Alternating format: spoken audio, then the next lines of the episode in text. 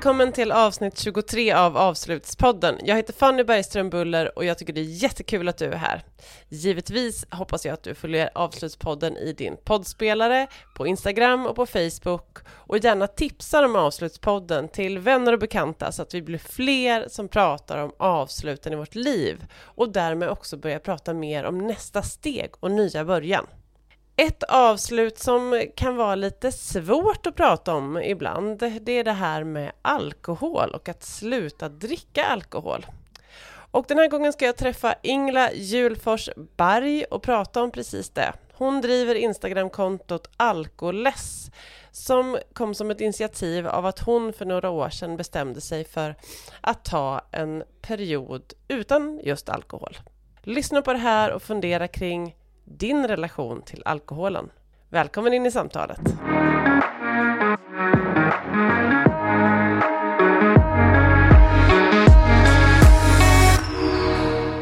Ingela Julforsberg, välkommen till Avslutspodden. Tackar. Jag frågade dig Ingela innan vi började det här samtalet hur du ville bli introducerad. Eh, jag har ju stött på dig i sammanhanget alkoless under det liksom namnet, eller vad ska jag säga. Eh, och du coachar människor till att dricka mindre eller inte alls, och då pratar vi om dricka alkohol, inte, inte vatten. Eh, du driver en sajt eh, utifrån detta och ett Insta väldigt aktivt Instagramkonto. Eh, mm. Det är jättekul att ha dig här och ehm, jag bollar över till dig Ingela, för jag blir ju såklart jättenyfiken. Berätta lite om vem du är och din resa till att starta det här eh, initiativet? Jag blir alkoless. Ja, det börjar ju med faktiskt Sober Oktober. Det är en folkhälsokampanj som drivs ifrån Norran i Skellefteå. Där de uppmanar folk att, att ta alkoholstopp under 30 dagar, under hela oktober. Det är en rörelse som finns egentligen i hela världen. Men eh, de har liksom dragit, tagit hit det till Sverige. Och eh, då testade jag ett år och sen eh, tyckte jag det var jättejobbigt. jag lärde mig ingenting. Och sen testade jag igen ett par år senare. Och eh, då insåg jag att jag var så stort behov av att inte börja dricka igen. Och då insåg jag att det fanns ingen som pratade riktigt om min typ av eh, problem. Att jag Ja, men jag tillhör den där gråzonen av drickare. Så att jag, socialdrickare, ibland kan jag dricka för mycket och ibland ingenting och liksom man varierar sig. Men jag mådde ju inget bra av det så att jag behövde liksom hitta egna verktyg. Och tittade mycket på eh, utlandet. Där finns, pratar man mycket om sober curious, att man är nyktert nyfiken. Det är en rörelse som startat i USA. Och finns även i England stort. Så att de är ledande inom det här, mindful drinking. Medvetet drickande kan man säga. Och ehm, det, det där appellerar till mig och jag tänkte det där behöver vi testa lite mer i Sverige. Så då körde jag igång med Alkoless. Som är då, jag är ju varken AA eller nykterhetsrörelsen, någonting mitt emellan. Där jag försöker nå människor som behöver, vill se över sin konsumtion helt enkelt. Och du beskriver lite det, att du, eh, så här, du var inte, hade inget liksom, ska säga, du var inte alkoholist innan Nej. detta. Eh, Nej. Eh, så, så du hade inte liksom ett sjukligt beroende av alkohol, men däremot så beskriver du det som problematiskt. Mm. Eh, om du skulle liksom bara så här, tvärsnittet av några veckor, hur, hur, ehm, hur fanns alkoholen i Ja, men jag gjorde väl som de flesta liksom att man, du vet ju att riskbruks, lågriskbrukszonen ligger på nio standardglas i veckan, vinglas i veckan för en kvinna och 14 för ölglas för en man. Liksom. Brukar man säga, men nu har man börjat säga att egentligen ligger det kanske på 10 för båda. Eh, men det motsvarar ju nästan två flaskor vin i veckan. Eh, och det drick, drack jag nog. Närmare. Ibland kunde jag dricka det på en helg. Liksom, utan att blinka. Och tycka att det var väl okej. Okay. Eh, men jag mådde ju inte så bra av det förstås. Men jag förstod inte att det var ett riskbruk. Det gjorde ju liksom alla andra mina vänner också. Där jag mer och mer började se det där liksom beteendet och att folk mådde väldigt dåligt egentligen av sin, sin konsumtion så började jag ifrågasätta min egen. Och eh, jag är ju i den åldern, som, jag är ju 50 plus och eh, man brukar säga att de flesta börjar, man har ju inte ett riskbruk ofta i början när man börjar dricka. Utan det där kommer ju successivt, vi ökar ju våran toleransnivå allt eftersom vi dricker. Och det är inte helt ovanligt att kvinnor, och, om man säger, tar kvinnor just så, när de dricker ganska mycket i 30-40 års åldern, då har de utvecklat kan de ha utvecklat alkoholism när de är 50-60 års åldern. Det är tyvärr ganska vanligt. Och det var väl det jag började se lite grann. Mm. Så det kan komma liksom så långt efteråt, man vänjer på något sätt kroppen? Ja, och när man väl har börjat dricka för mycket så kan det gå däremot väldigt fort. Då kan det ju ta bara en två, tre år så är man alkoholist. Ibland ännu fortare. Mm. Och då har man liksom kommit över en nivå som inte är okej okay längre. Och du säger att din omgivning, alltså i din omgivning eh, så var inte det här liksom något som stack ut, utan det var ett liksom socialt drickande som, som passade ja. in liksom. Mm. Ja men eh, absolut och det, är ju, det ser vi ju hela tiden. Det är ju liksom eh, normen är ju att du ska, du har ju inte roligt om du inte dricker. Och hur liksom alkoholindustrin försöker hela tiden intala oss att du har lycka, det är lika med att dricka liksom hela tiden. Och särskilt så här, ja men, de här uppmaningarna, wine o'clock, eh, prosecco time, allt vad det finns, rosé o'clock. Det som, man gör lite skojigt och mysigt sådär och då vill ju gärna folk haka på. Och det, det finns ju en sån attityd i samhället som är väldigt alkoholromantisk. Och det är jättekonstigt att vi inte ifrågasätter det mer. För att folk går ju, det finns ju rätt mycket beroendeproblem i samhället.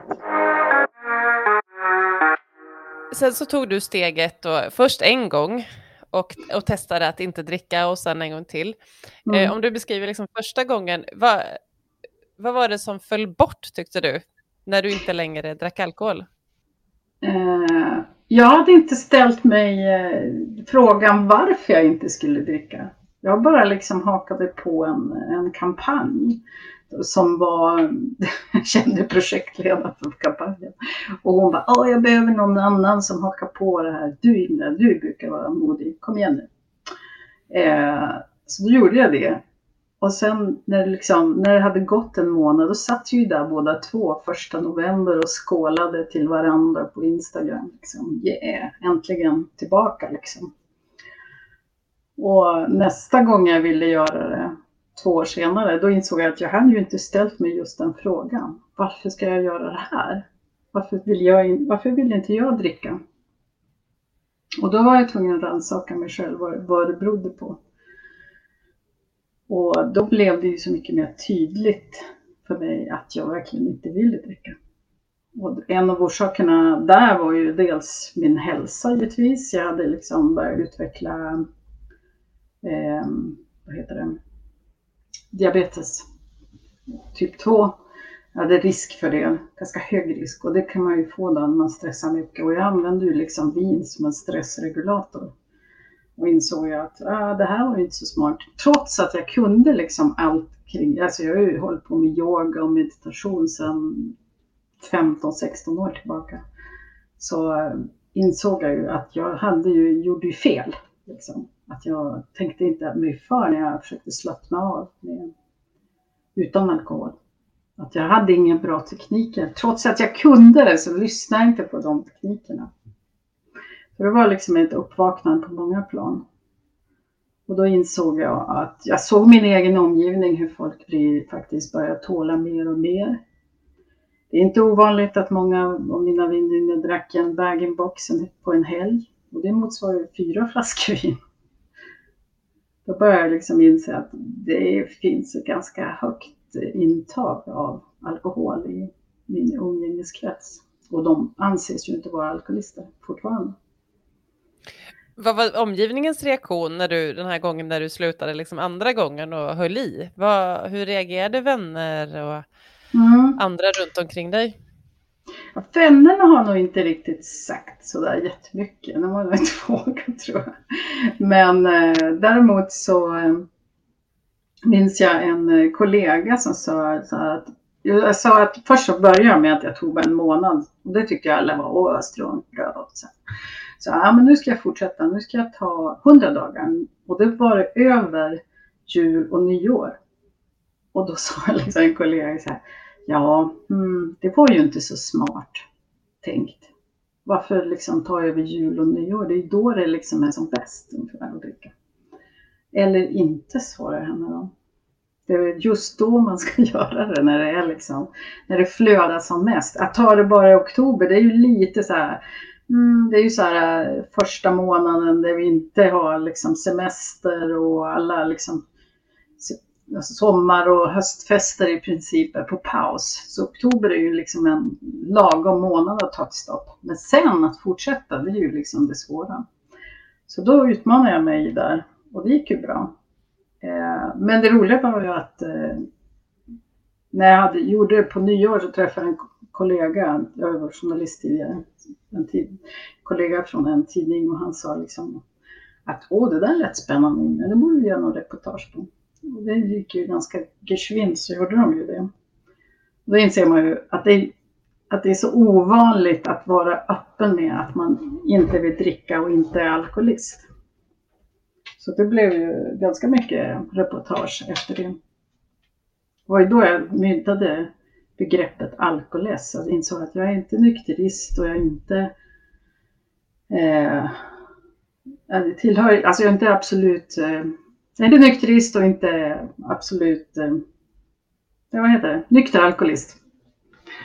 Eller nykterist, det är ju stor skillnad. Så fort man säger de orden då, då drar ju folk till sig eh, öronen till sig och då blir det så här, va? Vad tråkigt!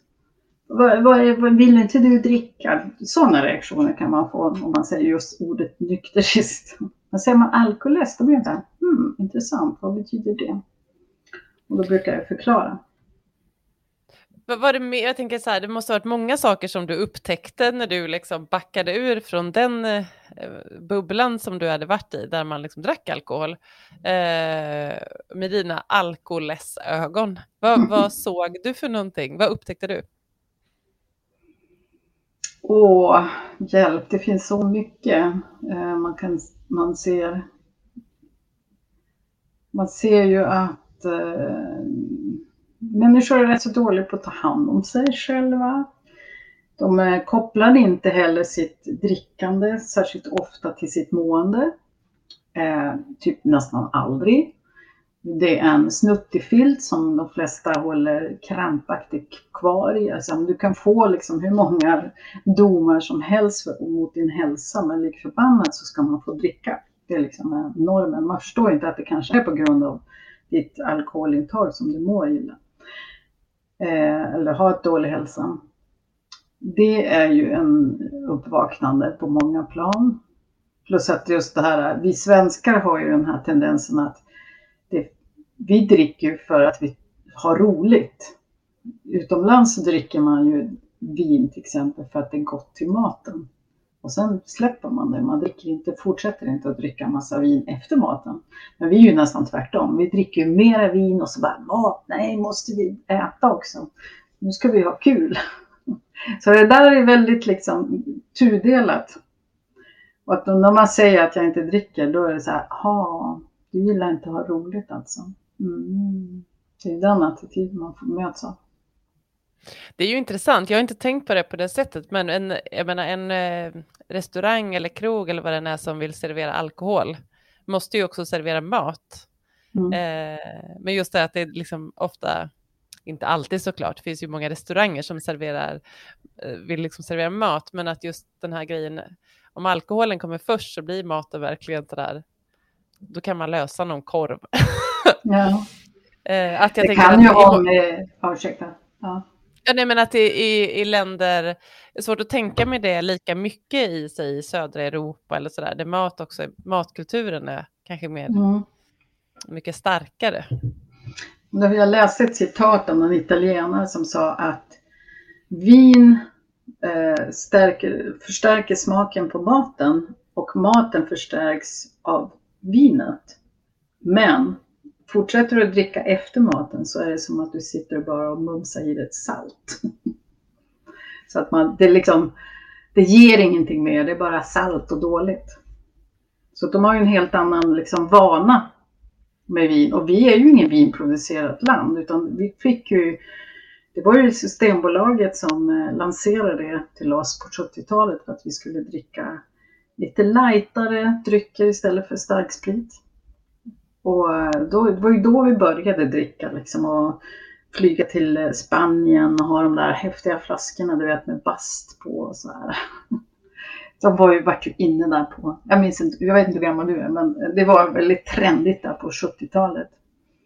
Men då var, låg ju vinen på eh, cirka 11-12 procent. Idag ligger de flesta vinen på 14,5 till 15 procents alkoholhalt. Vi har fått starkare vin och vi dricker mer. Så vi blir mer påverkade än tidigare, än för 30-40 år sedan. Så det är ju en trend som man inte pratar så mycket om högt. Och det har ju också med, alltså jag är ju väldigt intresserad av miljö och klimatfrågan och ehm, det beror ju på att vi har fått ett varmare klimat så druvorna blir mer socker i så blir det starkare viner. Och det är ett problem. För det går inte att nästan att producera lightare viner längre på grund av druvorna.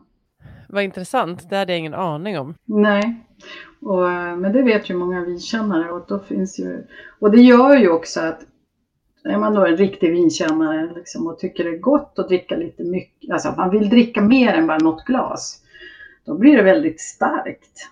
Så de är ju besvikna att det har blivit starkare vinerna. För det är nästan starkvinsklass på vanligt rödvin idag.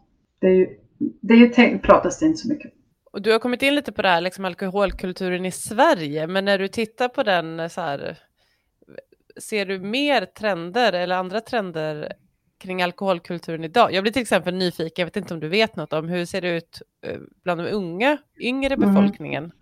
Ja. Hur ser drickandet ut där? Men där har det ju gått ner. Det är ju liksom känt att det är väl första gången i historien som den unga generationen dricker mindre än vad deras föräldrar gjorde i samma ålder. Så där har ju liksom alkoholintresset gått ner. Men samtidigt är de också den åldersgruppen som dricker mest alkohol när de väl dricker. Det är mycket mer festande när man är mellan 20, mellan 18 och 30 kanske, än när man är medelålders. Då partar man inte på samma sätt. Men, men lik, likväl så dricks det bättre än tidigare generationer. Och det är ju positivt, för det finns en annan attityd där, att man man satsar mer på sin utbildning, sin karriär och man vill inte vara bakis helt enkelt. Så där kommer ju mycket av det här stora utbudet av alkoholfritt som har kommit nu de senaste åren. Det har ju ändå gjort att det, det är roligare nu för tiden att inte dricka än vad det var för bara ja, men, sex år sedan kanske. Så det händer hela tiden nya saker och det märks särskilt nu, jag märker att det, det är en mycket större trend med alkoholfritt än vad det någonsin har varit. Umgås du på andra sätt idag än när du drack alkohol? Har det förändrats? Ja, det har ju. Helt klart. Jag dricker inte, alltså jag, det tänkte jag mycket på att tidigare så sa man så här, när man frågade unga för, för kanske ja, 20 år sedan, säger vi, vad, gjorde, vad gör du på fritiden? Ja, men jag umgås med mina vänner och gillar att festa. Det känns som att det, det var jag är uppvuxen med, att man alltid varit socialdrickare liksom, från när man kunde börja dricka och framåt. Eh, och att det liksom inte funnits något annat sätt att umgås på nästan. Eh, ja, förutom när man var yngre, riktigt ung, då var det kanske mer att sitta och hänga på kaféer. Men hela den kafékulturen har ju liksom fått backa ganska mycket bland de äldre i min ålder. Då är det ju liksom mera, idag är det ju så här, Åh, kan vi ses i ett glas vin och så ska man ha tjejmiddagar och dricka vin och tala ut och det är ju jättemycket sånt där liksom. Som gör att eh, det är både på gott och ont säger jag. Det är ju bra för att folk får ju liksom någon gång ventilera kanske sina tillkortakommanden. Men det är, kan ju också bli absurt för att bli sådana middagar där folk sitter och gråter ut och har liksom uppträden och allt möjligt. Inte helt ovanligt ska jag säga. Så, eh, men vi blir inte lika mycket bjudna på middagar, nej. Jag och min man. Och jag ska säga att jag saknar inte särskilt heller. Din man, är han också med dig på den här resan?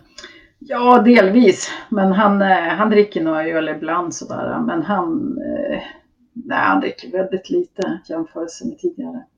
Ännu mindre än tidigare, ska jag säga. Så det är ju liksom positivt att han stöttar ju mig. Jag tänker du är väldigt aktiv till exempel på Instagram under mm. Alkoles. Eh, och du möter ju många människor där och på andra ställen. Vad, hur, eh, vad är responsen som du får? När, är det många som, som du märker vill haka på liksom, eller göra någonting åt det här? Ja, jag tror att många gör det fast jag, de kanske inte berättar det för mig alltid. Utan jag tror att jag inspirerar nog väldigt många. Och särskilt kvinnor i min ålder, men även, även många män av någon outgrundlig anledning gillar att liksom connecta med mig. Jag trodde att jag mest pratade till kvinnor, men det gör jag nog inte. Eh, och jag det jag får höra är ju att de säger att det är så kul att följa mig för jag pratar om att vara nykter eller alkoholist på ett positivt sätt. Jag pratar ju inte om liksom, jag har väldigt svårt att ha, prata om de här pekpinnarna där man talar om ja men om du dricker för mycket så får du cancer och alltså allt det här vad vården egentligen säger. Eh, och jag försöker snarare tala om att ja men om du slutar dricka så kommer du att sova bättre bättre, du kommer att bli gladare, du kommer att ha bättre relationer både till dig själv och andra. Så att du vågar ta steget liksom och gå utanför den här äh, alkoholnormen ska du få se att det händer massor med saker. Och det har jag ganska många tycker är positivt. För de känner lite mindre, att det är mindre skamfyllt att ha problem också. Eh, även om jag kanske har svårt att hjälpa dem som har riktigt grava alkoholproblem. För då är det ju liksom då är det till och med över min kapacitet. Då måste ju de söka sig vidare. Men jag kan hjälpa de som är liksom strax innan, som känner att de har ett, ett behov att eh, få jobba med sitt eh, beroende, om det nu är liksom ett beroende, ett gravare eh, beroende om man säger så. Där man känner att nu har det blivit för mycket och för ofta. Nu behöver jag hjälp att liksom komma vidare och stoppa det. Det är inte alltid säkert man behöver liksom stoppa helt och dricka. De flesta svenskar kan ju hantera alkohol väl. Och det är just det där roliga att vi alltid säger att vi hanterar alkohol. Ehm, för det är faktiskt ett gift. Det förgiftar oss och påverkar oss hela, hela nervsystem och annat. Men eh, det är som att man måste, det är svårigheten är att de som inte kan hantera alkohol, de har ju problem direkt liksom. Men alla, alla kan inte. Alltså det, jag har svårt att se vilka kan hantera alkohol. Vad, vad är det egentligen? Är det när du liksom kan dricka en hel eh, bag-in-box själv utan att bli bakis dagen efter? Är, är det då man hanterar alkohol? Förstår du? Det finns liksom, mm. det, man pratar aldrig om vad hantera är. Utan man bara förutsätter att man ska kunna klara av det. Och de flesta kan inte. Och hur vet man att, man att det finns ett värde i att sluta dricka? Om jag, om jag sitter här liksom och har min alkoholkonsumtion och jag inte direkt kanske har ett riskbeteende, kan jag men ändå fundera på det. Hur, vad, vad, vad liksom målar du upp för bild? Vad, vad, vad kan vara värdet? Wow, det finns väl mycket värden. Det är ju där du måste ta reda på. Vad är ditt varför? För det är det som är nyckeln till varför du liksom vill ta ett stopp. Det är inte bara så här för att jag säger det, utan du måste ju veta innerst inne vad, vad vill du uppnå med, med att inte dricka. Och oftast är det ju överhuvudtaget att dricka handlar ju om att vad, vill, vad är det jag vill undvika eller vad är, vad är det jag vill uppnå när jag dricker. Det är de där två frågorna man kan ställa sig. Och det är ju ofta för många kvinnor är det ju för att liksom komma ner i varv, för män också. att man vill slappna av, då kan man ju fundera över det. Varför måste jag dricka vin för att slappna av? Ska jag, kan inte jag göra det på annat sätt? Alltså man måste bli mer medveten om sitt beteende och vad, vilket behov man har av, av att dricka.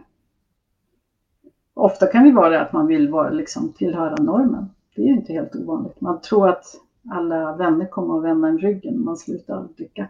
Man tänker, det är socialt liksom påtvingat.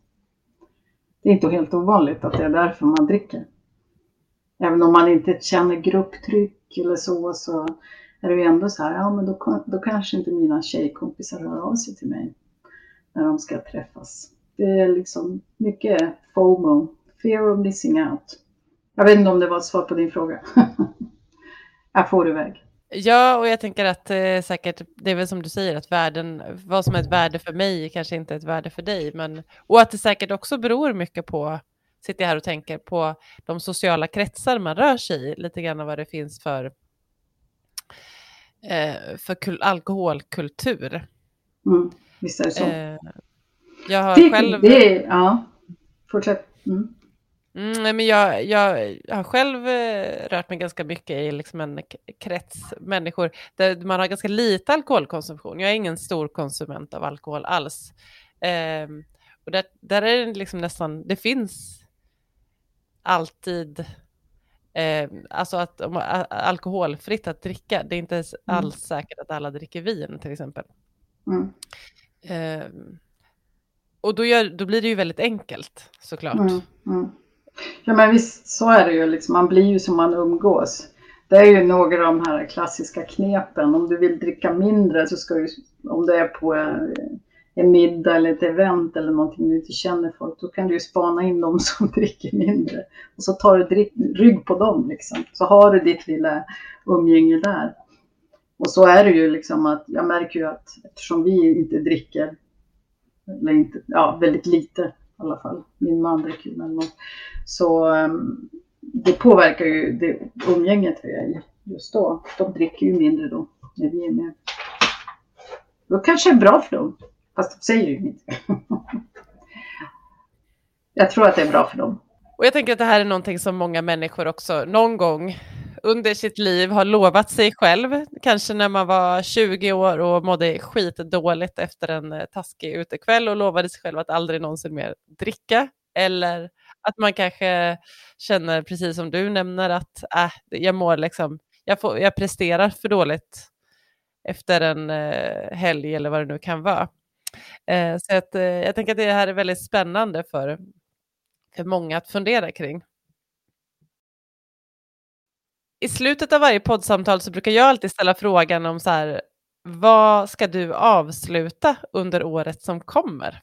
Jag är så bra på att avsluta saker. Jag, just nu håller jag på att avsluta en massa, eh, massa åtaganden. Jag, det har varit lite av min nyckel just nu att eh, inse att ja, men det här, den här utbildningen var inte för mig, den här kursen, att våga liksom stanna upp och tänka efter om det ska jag verkligen göra det här.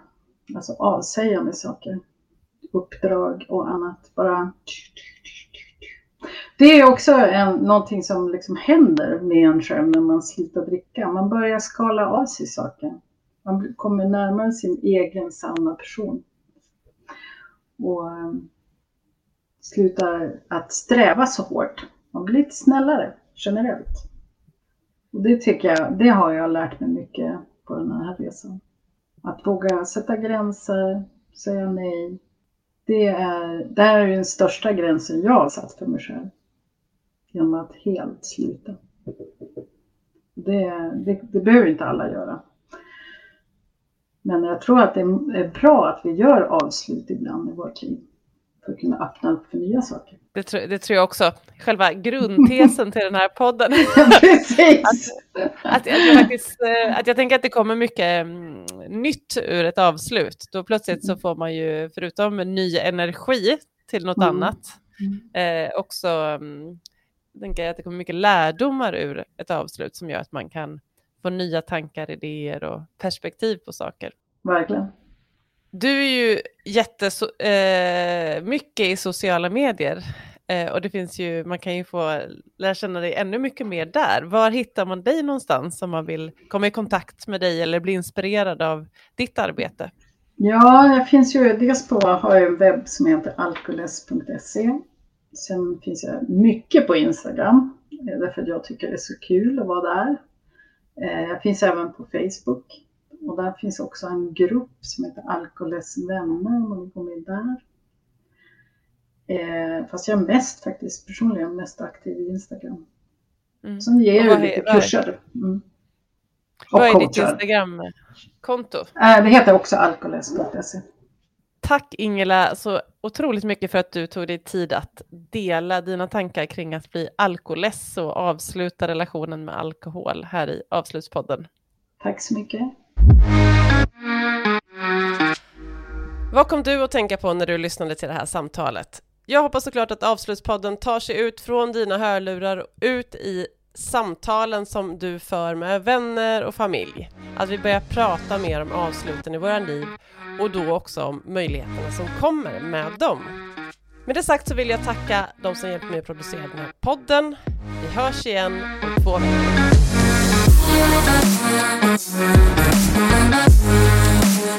Thank